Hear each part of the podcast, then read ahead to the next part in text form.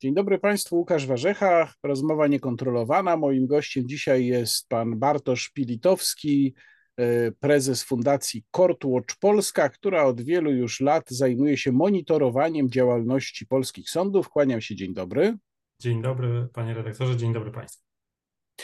E, jakie zmiany w funkcjonowaniu sądownictwa z punktu widzenia oczywiście klienta wymiaru sprawiedliwości można odnotować po dwóch kadencjach e, rządów obecnej władzy, no prawie już dwóch kadencjach. Co się przede wszystkim rzuca w oczy? E, chyba e, z punktu widzenia takiego klienta, przeciętnego użytkownika wymiaru sprawiedliwości, to kiedy zestawimy ten komunikat, który płynie z mediów, z tym doświadczeniem przeciętnego klienta, to chyba najbardziej się rzuca w oczy brak zmian. Czyli jak człowiek słucha tego, co w telewizji płynie do nas, o tym, jak wiele zmian w wymiarze sprawiedliwości, jak, jak dużo się w związku z tym dzieje, jakie są konflikty na linii Polska, polski rząd, e, e, Bruksela, ile, ile kłopotów mamy z tego tytułu, e, to kiedy zwykły Kowalski trafia do sądu, a miał kontakt z sądem wcześniej, przed 2016 czy 2017 kontakt z sądem i trafia do sądu teraz, to, to może być zszokowany, że, że, że ten kontakt wygląda bardzo podobnie, że, że tak niewiele się w sumie zmieniło. No to e, można by tutaj przywołać e, Geparda di Lampeduzy. Ile się musi zmienić, żeby nic się nie zmieniło? Tak, tak, dokładnie. Można powiedzieć, że, że y, te, te, ten, ten hałas, ten, ten chaos, y, o którym, o którym jest mowa w telewizji, który, mm, który y, ma swoje podstawy. Oczywiście ten, e, te, te, te, te zmiany dotyczące Sądu Najwyższego, e, zmian w Krajowej Radzie Sądownictwa, E, czy Trybunale Konstytucyjnym. E, one oczywiście e, odgrywają ogromną rolę, natomiast nie przekładają się w większym stopniu na doświadczenie sprawiedliwości przeciętnego człowieka. Przede wszystkim nie, nie przekładają się w pozytywny sposób, bo są tego negatywne pewne konsekwencje. Te negatywne konsekwencje to na przykład ze względu na to, że ministerstwo spodziewało się, że dokona zmian w Krajowej Radzie Sądownictwa, która podejmuje decyzję o tym, kto zostaje sędzią, kto awansuje, spodziewając się, że e, dokona zmian w tym organie i będzie e, inny skład e, Krajowej Rady Sądownictwa podejmował decyzje o awansach sędziowskich, to minister, który decyduje, kiedy te awanse następują, wstrzymywał się z ogłaszaniem tych konkursów na te awansowane stanowiska i przez dwa lata w zasadzie nie było awansów. Co spowodowało, E, e, dosyć duże e, problemy kadrowe w sądach. To przełożyło się na to, że mamy w tej chwili jakiś tysiąc nieobsadzonych etatów. To się przekłada z kolei na rosnące opóźnienia w sądach. To jest, przepraszam, tysiąc nieobsadzonych etatów, to jest dużo, to jest około jednej dziesiątej w ogóle całości sędziów w Polsce, liczby sędziów w Polsce. E, zgadza się, tak, tak. W 2015 roku mieliśmy mniej więcej 10 tysięcy aktywnych sędziów, w tej chwili mamy mniej więcej 9 tysięcy aktywnych sędziów. E, czyli nie udało się tego do końca zniwelować. Są y, starania, żeby to zniwelować. Oczywiście uruchomiono nową ścieżkę i też na to czekano, czyli taką ścieżkę nad którą już pracowano od wielu lat. To nie jest tak, że to jest e, inicjatywa tylko i wyłącznie w tej chwili rządu Zjednoczonej Prawicy, czyli żeby mm, na to pierwsze stanowisko sędziowskie e, trafiali prawnicy, którzy przeszli aplikację sędziowską e, w Krajowej Szkole Sądownictwa i Prokuratury zaraz po studiach, czyli bez doświadczenia w pracy czy na wolnym rynku, czy, czy wcześniej w sądzie E, w charakterze referendarza, czy, czy, czyli takiego urzędnika sądowego, który podejmuje decyzje, ale takie, takie prostsze, e, czy asystenta sędziego. Tylko po studiach przechodzą aplikację e, sądową, praktyki w sądach pod okiem sędziów i od razu zostają asesorami, czyli takimi sędziami na próbę. I jak tam próbę przejdą pozytywnie, czyli nie nabroją, to mają zagwarantowane miejsce w sądzie jako, jako sędziowie. Jest to droga o tyle mm, dobra, że ona wyklucza wpływ e, środowiskowy. Tam jest w zasadzie kryteria tylko merytoryczne decydują. Po prostu, jeżeli e, wygrywasz e, konkurs, jeżeli zdajesz najlepiej ze wszystkich egzamin, to masz po prostu lepsze miejsce na liście rankingowej i tym sędzią zostajesz, lepsze miejsce dostajesz.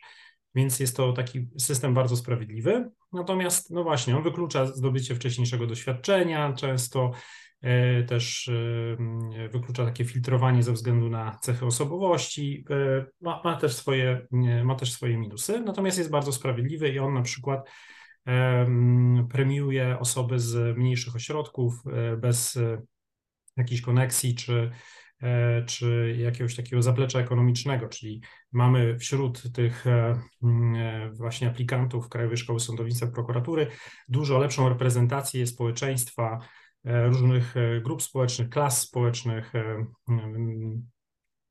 niż w przypadku aplikacji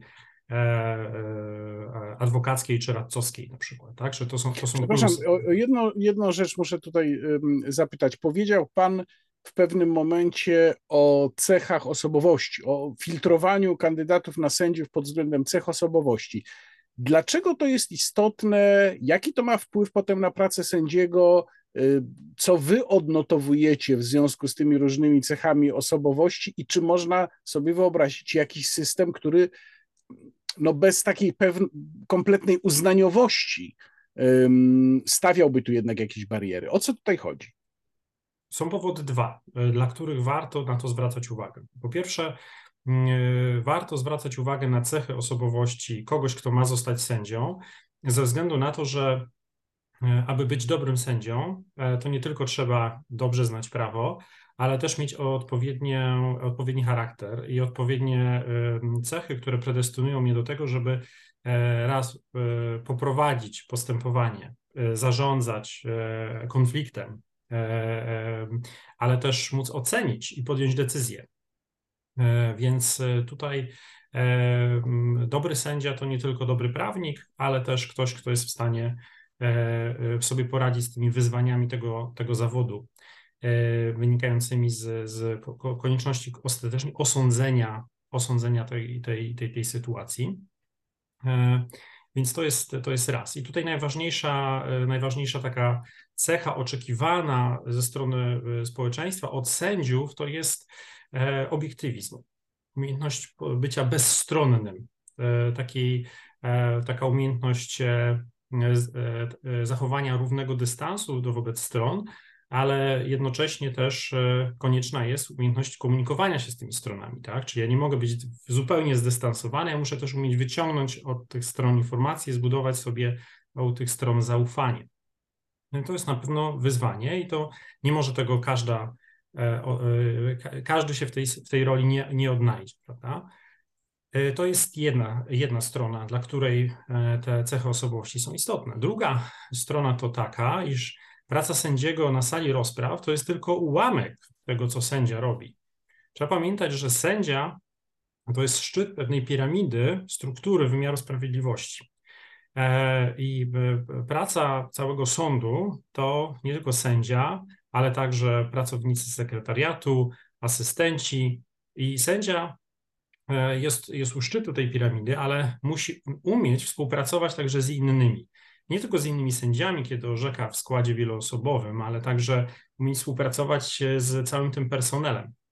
I efektywnie działający wymiar sprawiedliwości to taki, w którym ta współpraca no, układa się dobrze. I sędzia, który nie umie dobrze zarządzać pracą innych osób, nie umie się dobrze komunikować z innymi, udzielać informacji zwrotnej, też przyjmować tej informacji zwrotnej od innych, wywiązywać się z terminów, egzekwować terminów od innych, prawda? E, komunikować się z, z, z innymi osobami w odpowiedni sposób, E, to on będzie przeszkodą, barierą do tego, żeby ta organizacja efektywnie pracowała. A jakie są wasze, wasze oceny, jeżeli chodzi właśnie o mm, rozpowszechnienie tych dobrych i pożądanych cech wśród sędziów? Ja wiem, że e, no, wasi wolontariusze, oni nie mają wglądu w to, jak pracują sekretariaty, ale pewnie jakieś rozeznanie w tej mierze macie, więc jakby pan mm, ocenił, ilu polskich sędziów ma te pożądane cechy? Mhm. Tutaj z naszych badań prowadzonych metodą obserwacji na salach rozpraw wynika, że za zdecydowaną większość takich e, przypadków, gdzie obserwator stwierdza, że sędzia zachował się w sposób niekulturalny albo agresywny wręcz na sali rozpraw wobec świadków czy stron, e, za, za e, większość tego rodzaju zachowań odpowiada mniejszość, mniejszość sędziów. Tak? Czyli, czyli mm, za 50% tych, tych przypadków odpowiada grono 10% sędziów. Za, za, za połowę tych przypadków.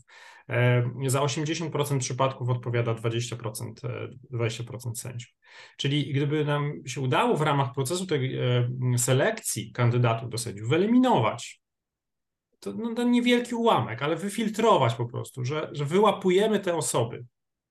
Ten niewielki, ten niewielki odsetek, ale wyłapujemy. No, panu dziękujemy, albo pani dziękujemy. E, to niewiele tracimy, prawda? Owszem, ktoś jest może dobrym prawnikiem, dobrze znał ten egzamin, e, e, nie wiem, no, ma różne potrzebne cechy, nie, nie jest, niekara, jest niekarany i tak dalej, bo w tej chwili to na, na to się zwraca uwagę, ale ma pewne, ma pewne cechy, które, które ujawnią się na sali rozpraw w postaci agresywnych zachowań, niekulturalnych zachowań, to no, takiej osobie już z góry dziękujemy, to unikniemy tego, że bardzo wielu ludzi później na salach rozpraw doświadcza takiego niewłaściwego zachowania, przez co no, nie ma później, wychodząc z sądu, poczucia, że miał proces, którym było traktowany z szacunkiem, że miał zapewnioną tę bezstronność sędziego, no i później w rodzinie, wśród znajomych, no przekazuje drogą plotki, prawda, tą informację, jak zostały potraktowany, no to ta informacja się później roznosi, prawda? A czy jest jakiś, Wystarczy taki jeden metoda... sędzia w końcu w mieście, żeby taką opinię o sądzie mm, niestety budować. A czy jest jakaś metoda, być może gdzieś poza Polską zaobserwowaliście, że jest taka metoda, która pozwala, mm, tak jak powiedziałem, bez kompletnej uznaniowości E, właśnie przeprowadzić tego typu selekcje. Tak, tak. Y, zrobiliśmy przegląd y, tych systemów y, selekcji sędziów w różnych krajach i generalnie są takie dwa modele, można powiedzieć. E, model anglosaski, gdzie tak jak w Stanach Zjednoczonych E, sędziów wybiera się w takim w drodze takiego, takiego, takiego, takiego procesu bardzo politycznego. Albo jest to wybór w ogóle w drodze mm, demokratycznych, bezpośrednich wyborów, gdzie to obywatele po prostu głosują na kandydatów, na sędziów i wtedy e, te, te, te cechy osobowości oczywiście grają ogromną rolę, bo kandydat musi się zaprezentować i tak dalej. Mm, albo wybierają to przedstawiciele wybrani E, w demokratycznych wyborach, czyli gubernator, on ewentualnie jakąś komisję powołuje i tak dalej, ale jest, jest odpowiedzialność polityków, oni wtedy bardzo na to zwracają uwagę. Później ci sędziowie, jak się zachowują, to później ta, ta odpowiedzialność spada na polityków, oni się wtedy bardzo pilnują. E, e, natomiast w tym systemie kontynentalnym, do którego należy Polska,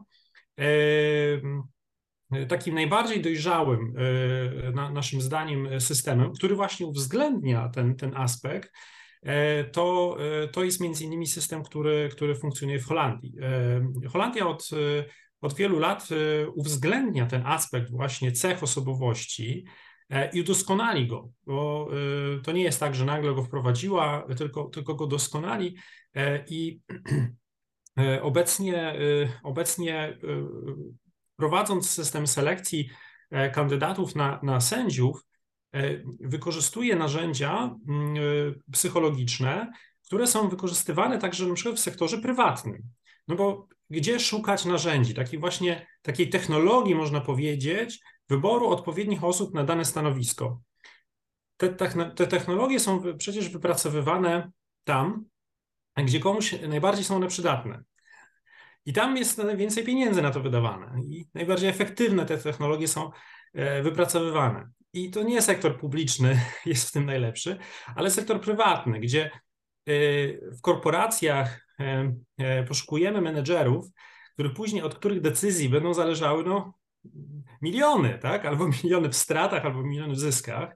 Więc my podejmując decyzję, kogo zatrudnimy, zatrudnimy na jakimś dyrektorskim stanowisku albo w zarządzie jakiejś, jakiejś korporacji, no to jesteśmy w stanie wydać bardzo dużo pieniędzy na ten proces selekcji tego, tego menedżera wysoko postawionego, postawionego, no bo od jego decyzji, od jego osobowości, jego podatności na stres, e, na, róż, na wpływ, prawda, będzie zależało powodzenie naszej firmy i nasze zyski. Więc jesteśmy w stanie naprawdę dużo zainwestować w to, żeby ten, ten, ten proces selekcji był jak najbardziej trafny. No i sektor prywatny wypracował takie metody, wykorzystując badania naukowe, E, I te metody tam, e, tam są i holenderski wymiar sprawiedliwości po prostu skorzystał z tego, że, że sektor prywatny te metody ma i po prostu je inkorporował e, za pośrednictwem Uniwersytetu Erasma z Rotterdamu z, pomocą po prostu naukowców dostosował do potrzeb wymiaru sprawiedliwości i w tym procesie selekcji pomieszał elementy, gdzie to sędziowie i pracownicy sądu e, przeprowadzają rozmowy kwalifikacyjne z kandydatami z e, takimi diagnozami, które prowadzą psychologowie, e, gdzie oceniają cechy osobowości, podatność na stres, na presję czasu, na to, czy taki mm, kandydat w sytuacji takiej granicznej przypadkiem nie będzie zachowywał się właśnie w sposób, który jest niepożądany w wymiarze sprawiedliwości, czy na przykład nie będzie łamał jakichś reguł albo e, nie będzie, e, nie będzie się pod wpływem stresu zachowywał właśnie w sposób jakiś agresywny czy, czy, czy, czy unikowy, mm, czy będzie nadal otwarty na informację zwrotną i tak dalej.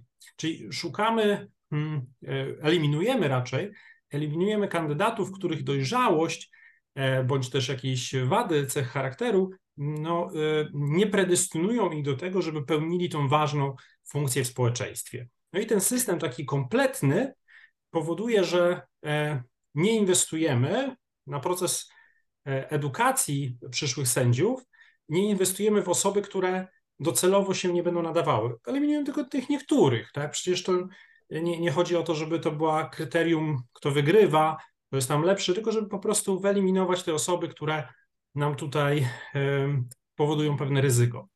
I to, Wracam i to do, się do, od wielu lat z pracy do kwestii oceny tych ośmiu już prawie lat rządów Zjednoczonej Prawicy na wymiar sprawiedliwości i sprawa, która y, wydaje się najbardziej widocznym, a przynajmniej powszechnie najbardziej kojarzonym kryterium, czyli kwestia czasu. Y, no, pięta achillesowa polskiego wymiaru sprawiedliwości, czas oczekiwania na orzeczenie.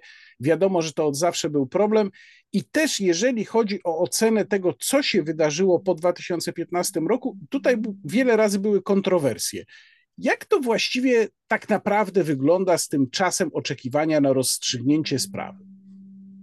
Y, bardzo ciekawe to jest zagadnienie, bo docierają do nas takie różne informacje, prawda? Jeszcze niedawno, rok temu, y, minister, minister zorganizował y, nawet konferencję prasową, żeby się pochwalić ogromnym skokiem tutaj e, pozytywnym, że, że ten, ten czas się nagle bardzo skrócił, mamy poprawę, E, I e, do tego stopnia była to poprawa znacząca, że e, zwołano na ten, z tego powodu konferencję.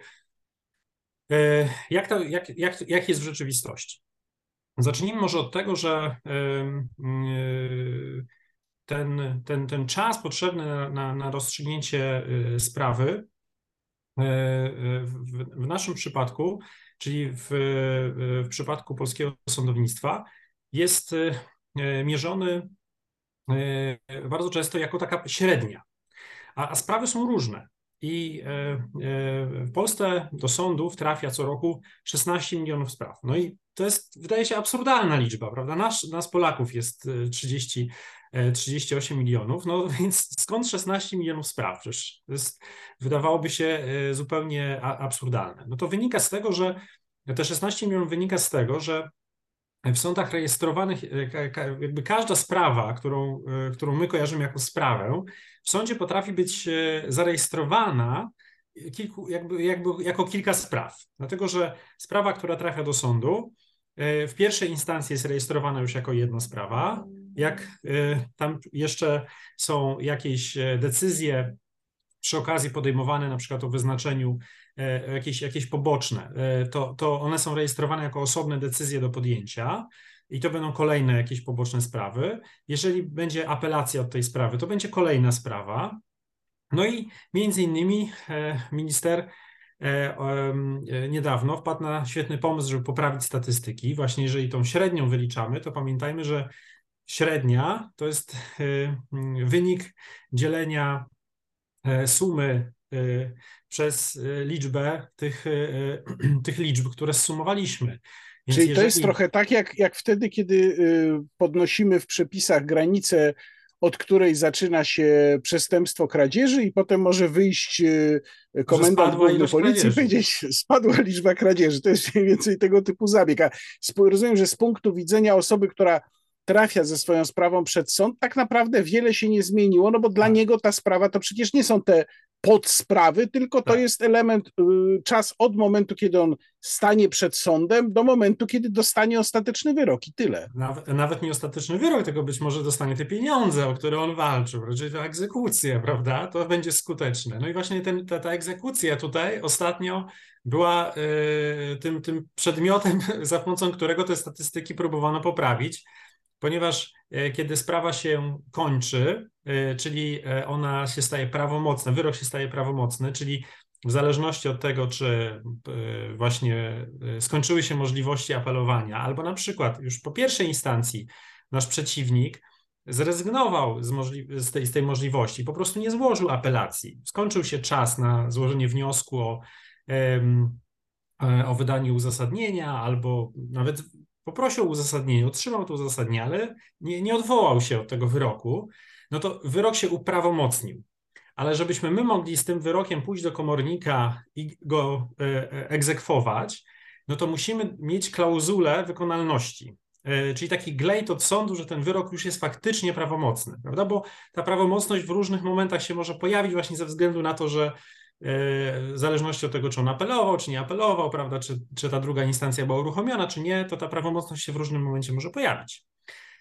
No i do tej pory było tak, że, że tą prawomocność, e, ten, ten, ten, e, e, tą, tą wykonalność tego wyroku, sąd zaznaczał na tym wyroku, po prostu przybijając pieczątkę i nadając klauzulę wykonalności po prostu. Tak to wyglądało technicznie. No my byśmy składali oczywiście wniosek, to była pewna czynność, którą sąd musiał wykonać, czyli musiał zweryfikować to, ale przybijał po prostu pieczątkę, pisał, że nadaje tą klauzulę wykonalności i dostawaliśmy odpis e, tego wyroku z tą nadaną klauzulą.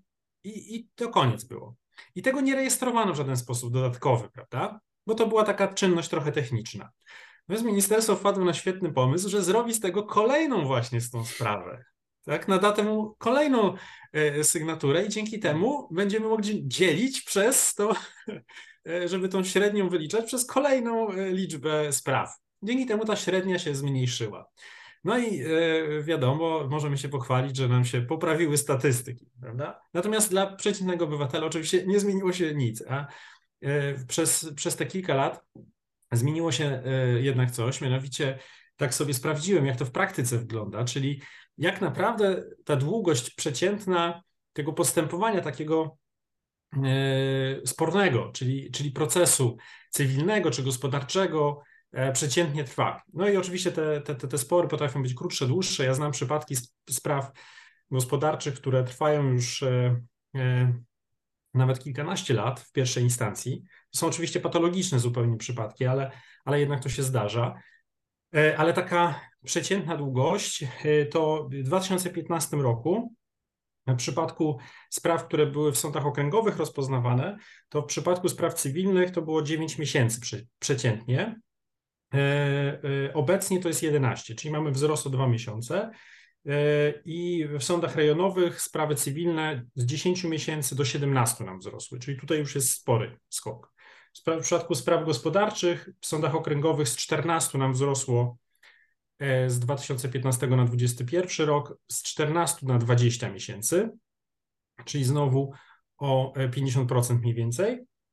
E, w przypadku spraw gospodarczych z 13,5 miesiąca na 21, czyli znowu o 50, o 50%. Jest to dotkliwy wzrost, myślę, że znaczący.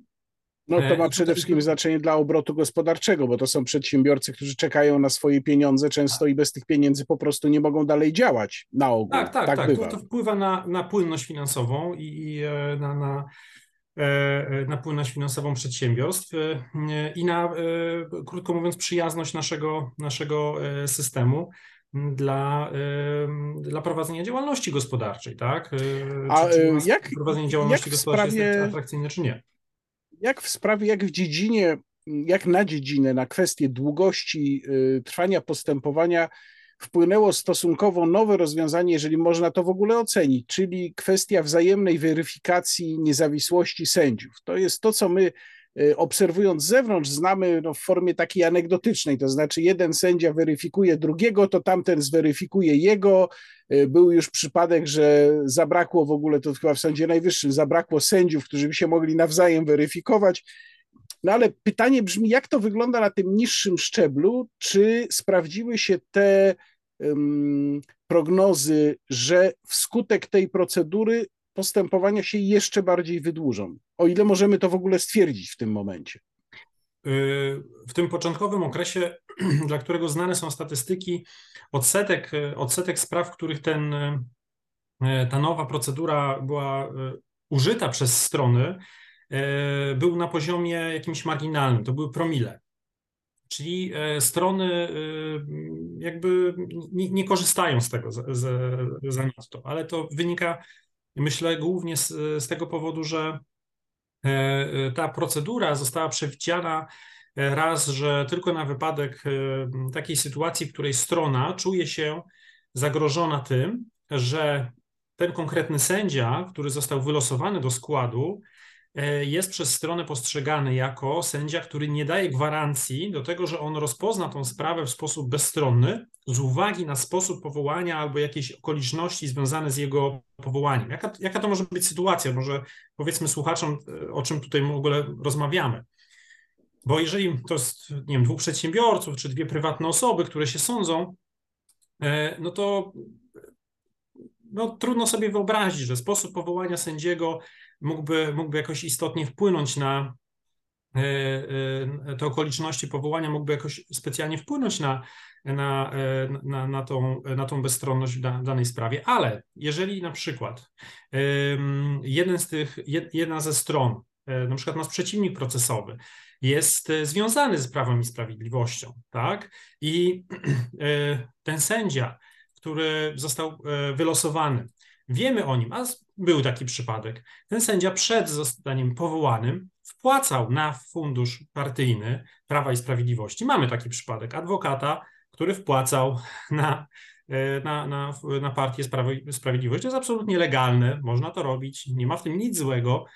E, wpłacał na, na partię Prawo i Sprawiedliwość darowiznę e, i ten adwokat wygrał konkurs następnie i my się z tego powodu że właśnie taki sędzia, który przed wygraniem konkursu, krótko przed wygraniem konkursu, chyba nawet w trakcie, jak już się zgłosił, wpłacał na fundusz e, partii Prawo i Sprawiedliwość, czyli partii, która, której głosami większość członków Krajowej Rady Sądownictwa została następnie wybrana, wygrał ten konkurs i my, nasz przeciwnik procesowy jest członkiem Prawa i Sprawiedliwości, no to możemy się już czuć zagrożeni, że ten sędzia nie będzie do końca obiektywny prawda? Trochę, przepraszam, przypomina mi to sytuację z sędzią, który orzeka, no przynajmniej na razie orzeka w procesie Donalda Trumpa w Nowym Jorku, bo on z kolei wpłacał na y, partię demokratyczną. To nie był podobno Dokładnie. jakiś tam duży datek, chyba 10 dolarów, no ale w sytuacji jaka tam powstała w związku z postawieniem Donalda Trumpa w stan oskarżenia, może to budzić wątpliwości co do jego y, obiektywizmu. Dokładnie tak, dokładnie tak. Przy czym akurat E, zarówno ta wątpliwość, jak i wątpliwość w drugą stronę, tak, bo możemy sobie wyobrazić, że dajmy na to, ma, naszym przeciwnikiem jest e, przedstawiciel, nie wiem, e, partii opozycyjnej albo jakiegoś stowarzyszenia, które, które na przykład jest znane z działalności znane z działalności politycznej.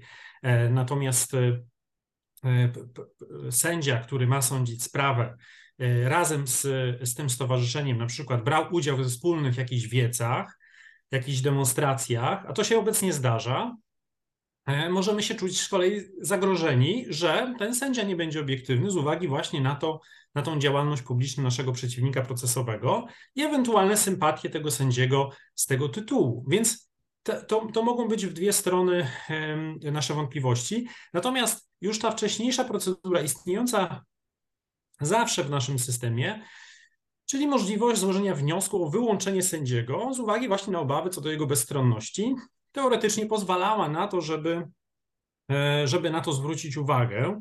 E, ten, ten, nowy, ten nowy system po prostu, e, można powiedzieć tak bardziej eksplicite, kazał brać pod uwagę tą procedurę powoływania z uwagi na te oczekiwania Komisji Europejskiej. Natomiast. Ale przepraszam, czy z tego, co Pan mówi, wynika, że, że obawy o to, że ta procedura stanie się takim masowym kruczkiem wykorzystywanym w procesach się nie sprawdziły? Czy możemy tak. już pod tym względem być uspokojeni, że to, się, że to do tego nie dojdzie? Nie doszło do tego, nie doszło do tego, tak.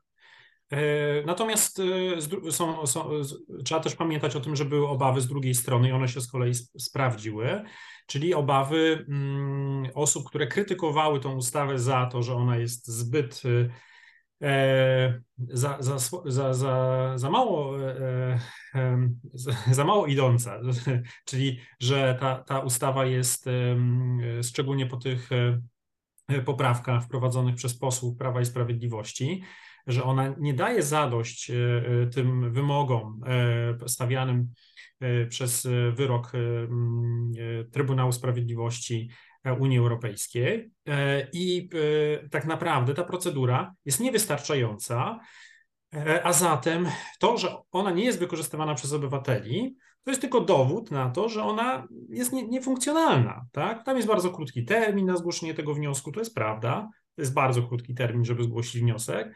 Ten wniosek musi być solidnie uzasadniony, ale akurat to jest, to jest, to jest normalne. Zresztą po tej uchwale trzech izb Sądu Najwyższego E, ta, ta, ta uchwała umożliwiała e, de facto to samo. Ten, e, ta, ta procedura, która jest w tej chwili dozwolona, ona jest bardzo podobna do te, tego, co de facto co de facto proponowała ta uchwała. Czy ta uchwała ona nic nowego nie wprowadzała, bo ta uchwała po prostu była tylko i wyłącznie interpretacją przepisów istniejących. Właśnie mówię dlatego o tym, że, że to wyłączenie sędziego na przykład to było, było coś, co zawsze istniało. To kwestia po prostu interpretacji przepisów w odpowiedni sposób. E, więc ta, ta uchwała szła w, ten sam, w tym, tym, tym samym duchu po prostu, tylko po prostu kwestia droga strono, po prostu udowodni swoje racje, skąd są te twoje wątpliwości. I uchwała trzech izb właśnie e, domagała się po prostu porządnego uzasadnienia, a nie tylko zwrócenia uwagi, to jest sędzia powołany przez tą KRS i kropka, i koniec. Nie, to nie jest wystarczające, to, to nie jest jeszcze uzasadnienie. Trzeba po prostu to powiązać, tak? Trzeba wskazać konkretne okoliczności, dlaczego to miałoby w Twoim przypadku, w Twojej sprawie e, podważać jego bezstronność. E, I to nie jest wcale takie oczywiste, że, że w każdej sprawie sama, sama, sama emocja mm, e, uczestnika postępowania już e, uzasadnia e, wyłączenie sędziego, tak? Także, także, także tutaj nie każdy byłby z tego, nie, nie każdy był z tego zadowolony. Jest sprawa, na którą fundacja zwraca uwagę, a która miała czas, miała początek w czasie epidemii, kwestia jawności rozpraw. Tak. Co tutaj się wydarzyło? Bo y, z tego co widzę, fundacja skarży się, że o ile w różnych dziedzinach życia y, stan rzeczy wrócił do tego sprzed pandemii, to właśnie w wymiarze sprawiedliwości nie i podobno nawet wasi obserwatorzy z tego powodu też miewają problemy. Co się takiego dzieje w takim razie?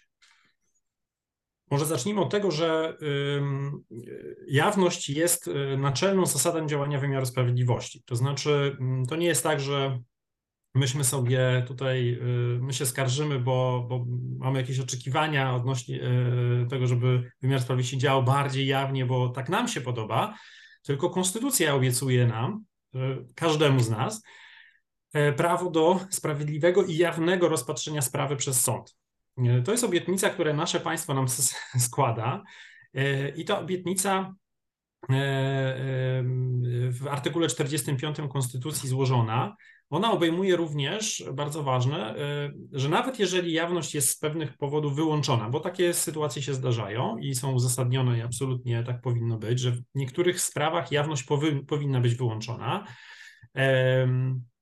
to e, nawet w takiej e, sprawie, w której jawność została wyłączona z uwagi na przykład na, na ochronę jakiegoś ważnego interesu prywatnego e, uczestników, nie wiem, sprawy o gwałt, sprawy dotyczące małych dzieci, są, są okoliczności, w których jawność powinna być wyłączona. To wyrok powinien być zawsze ogłoszony publicznie. Czyli, czyli sam, sama decyzja sądu jako jako decyzja y, podejmowana przez władzę publiczną w imieniu Rzeczpospolitej Polskiej, ona, ona musi być ogłoszona publicznie, żeby wszyscy mogli poznać e, decyzję sądu, żeby, żeby to nie, nie, nie były po prostu, żeby to nie były sądy kapturowe. No i niestety ta, ta obietnica była przez, e, w ciągu pandemii łamana powszechnie. Mieliśmy do czynienia jeszcze e, z tym, że ten artykuł e, Konstytucji e, mm, był łamany na, nie, nie, tylko w taki sposób, że czasem się zdarza, że ustawodawca po prostu przyjmie ustawę, która jest sprzeczna z konstytucją. Z tym też mamy w tej chwili do czynienia, bo pod pretekstem właśnie pandemii konieczności nadrobienia zaległości pandemicznych w ustawie e, tej covidowej wprowadzono taki przepis, który zezwala sędziom wszędzie tam, gdzie obowiązuje procedura cywilna, e, rozpoznać sprawę, którą oni uważają, że ona jest e, na tyle prosta, rozpoznać ją na posiedzeniu niejawnym. Jeżeli sędzia, tak ustawodawca, spuszcza do sędziów oczko, jak sędzio drogi uważa, że ta sprawa nie wymaga zwołania normalnej rozprawy, to możesz sędzio roz, rozpoznać tą sprawę na posiedzeniu niejawnym.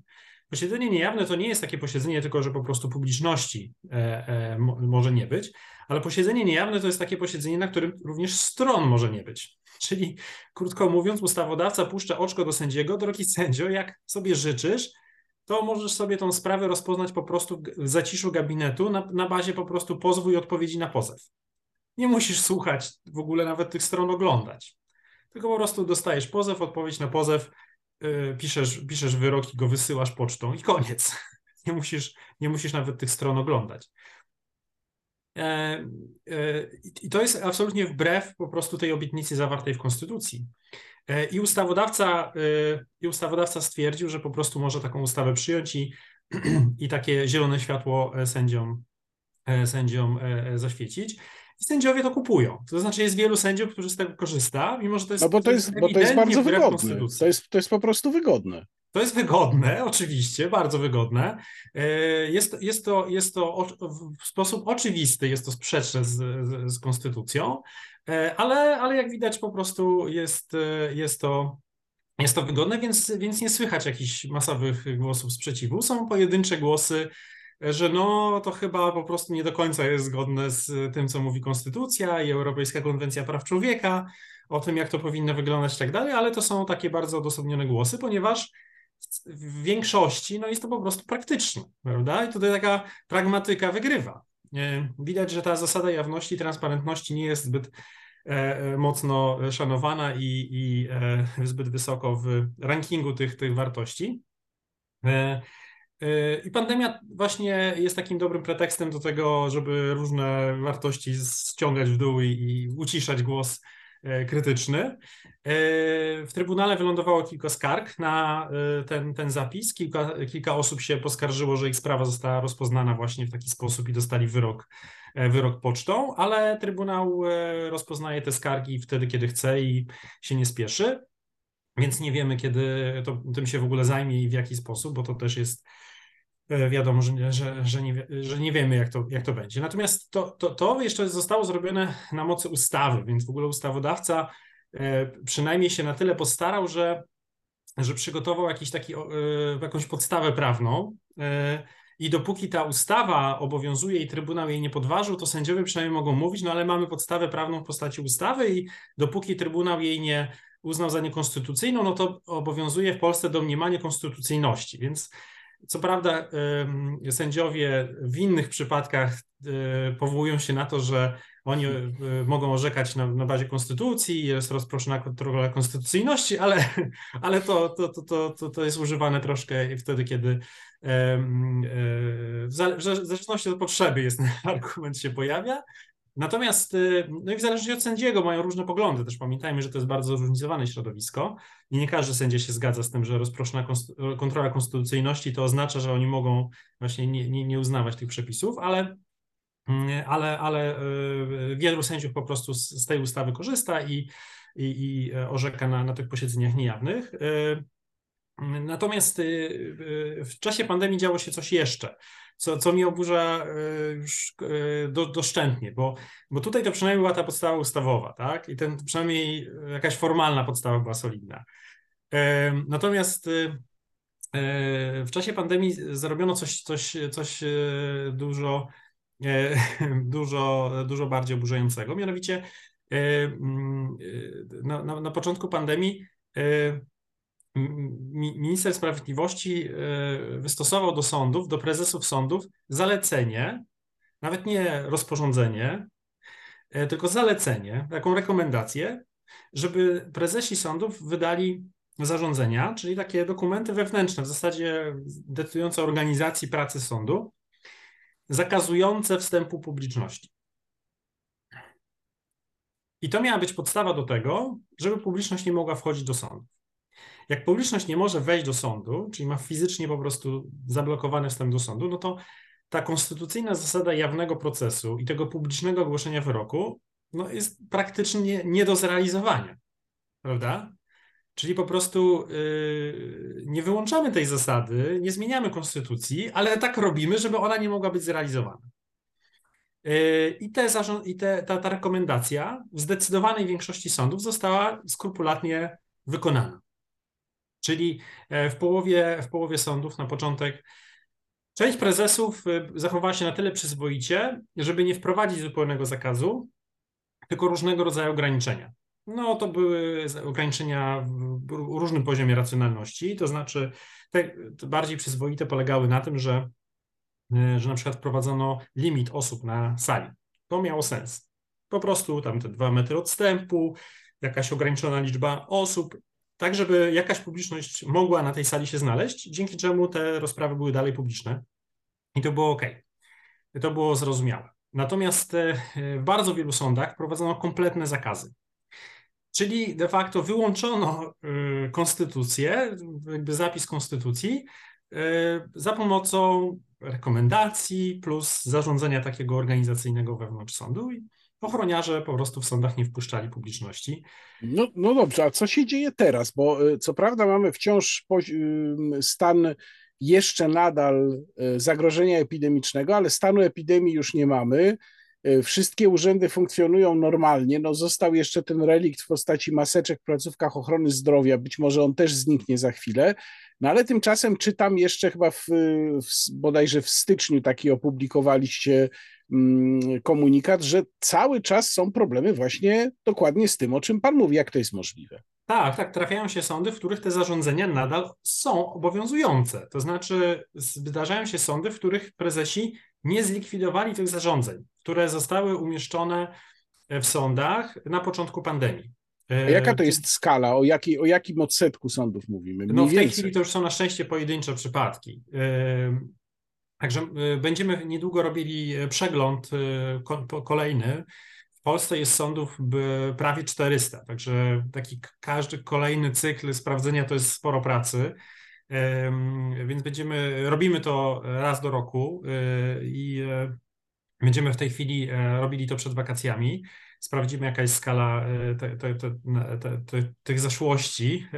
Natomiast wiemy to po prostu od naszych obserwatorów, ponieważ cały czas prowadzimy monitoring.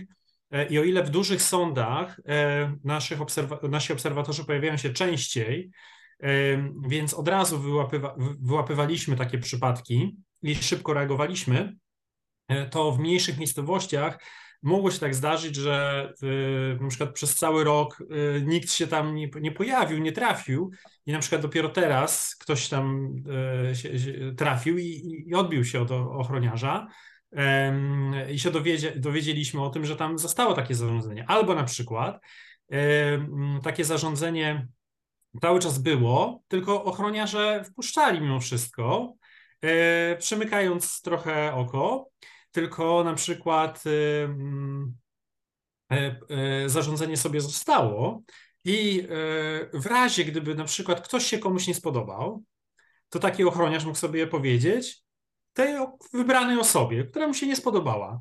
Ale nie, nie, może pan wejść, bo mamy tu takie zarządzenie, że jest stan epidemiczny, czy tam zagrożenia epidemicznego. Mamy tutaj takie zarządzenie i nie może być publiczności. Czyli zupełnie uznaniowo mamy pretekst na to, żeby po prostu kogoś nie wpuścić. Hmm. Czyli normalnie tam wpuszczamy, przymykamy oko, ale jak potrzeba mieć pretekst, żeby kogoś nie wpuścić, bo mi się ktoś nie podoba, bo jest źle ubrany, prawda, tam z jakiegoś innego powodu, albo jest jakaś rozprawa, na której nie chcemy mieć publiczności z jakiegoś powodu, no to mamy pretekścik, prawda? Czyli znowu pandemia się stała takim pretekstem e, do tego, żeby te prawa obywatelskie ograniczyć.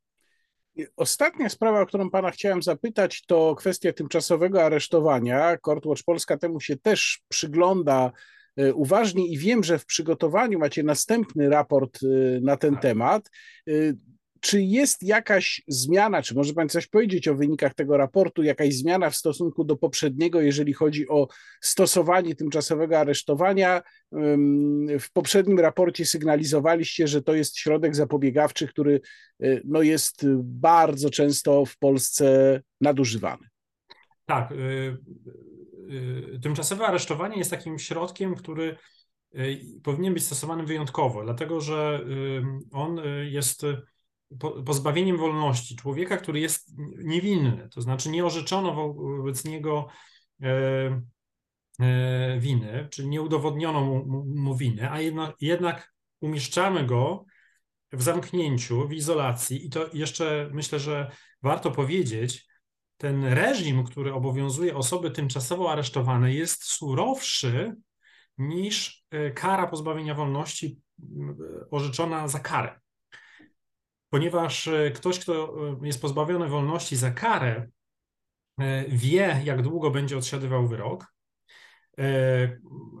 może korzystać z, z różnego rodzaju wsparcia, terapii, pomocy wychowawcy, pracować może, może wychodzić na przepustki i tak dalej, i tak dalej, ubiegać się o jakieś przeterminowe zwolnienie. Osoba tymczasowo aresztowana jest kompletnie izolowana od świata, nie wie, jak długo będzie izolowana, ma, spędza cały czas w celi i ma y, godzinę dziennie, może wyjść na, y, y, na, na, na poza celę na spacernik.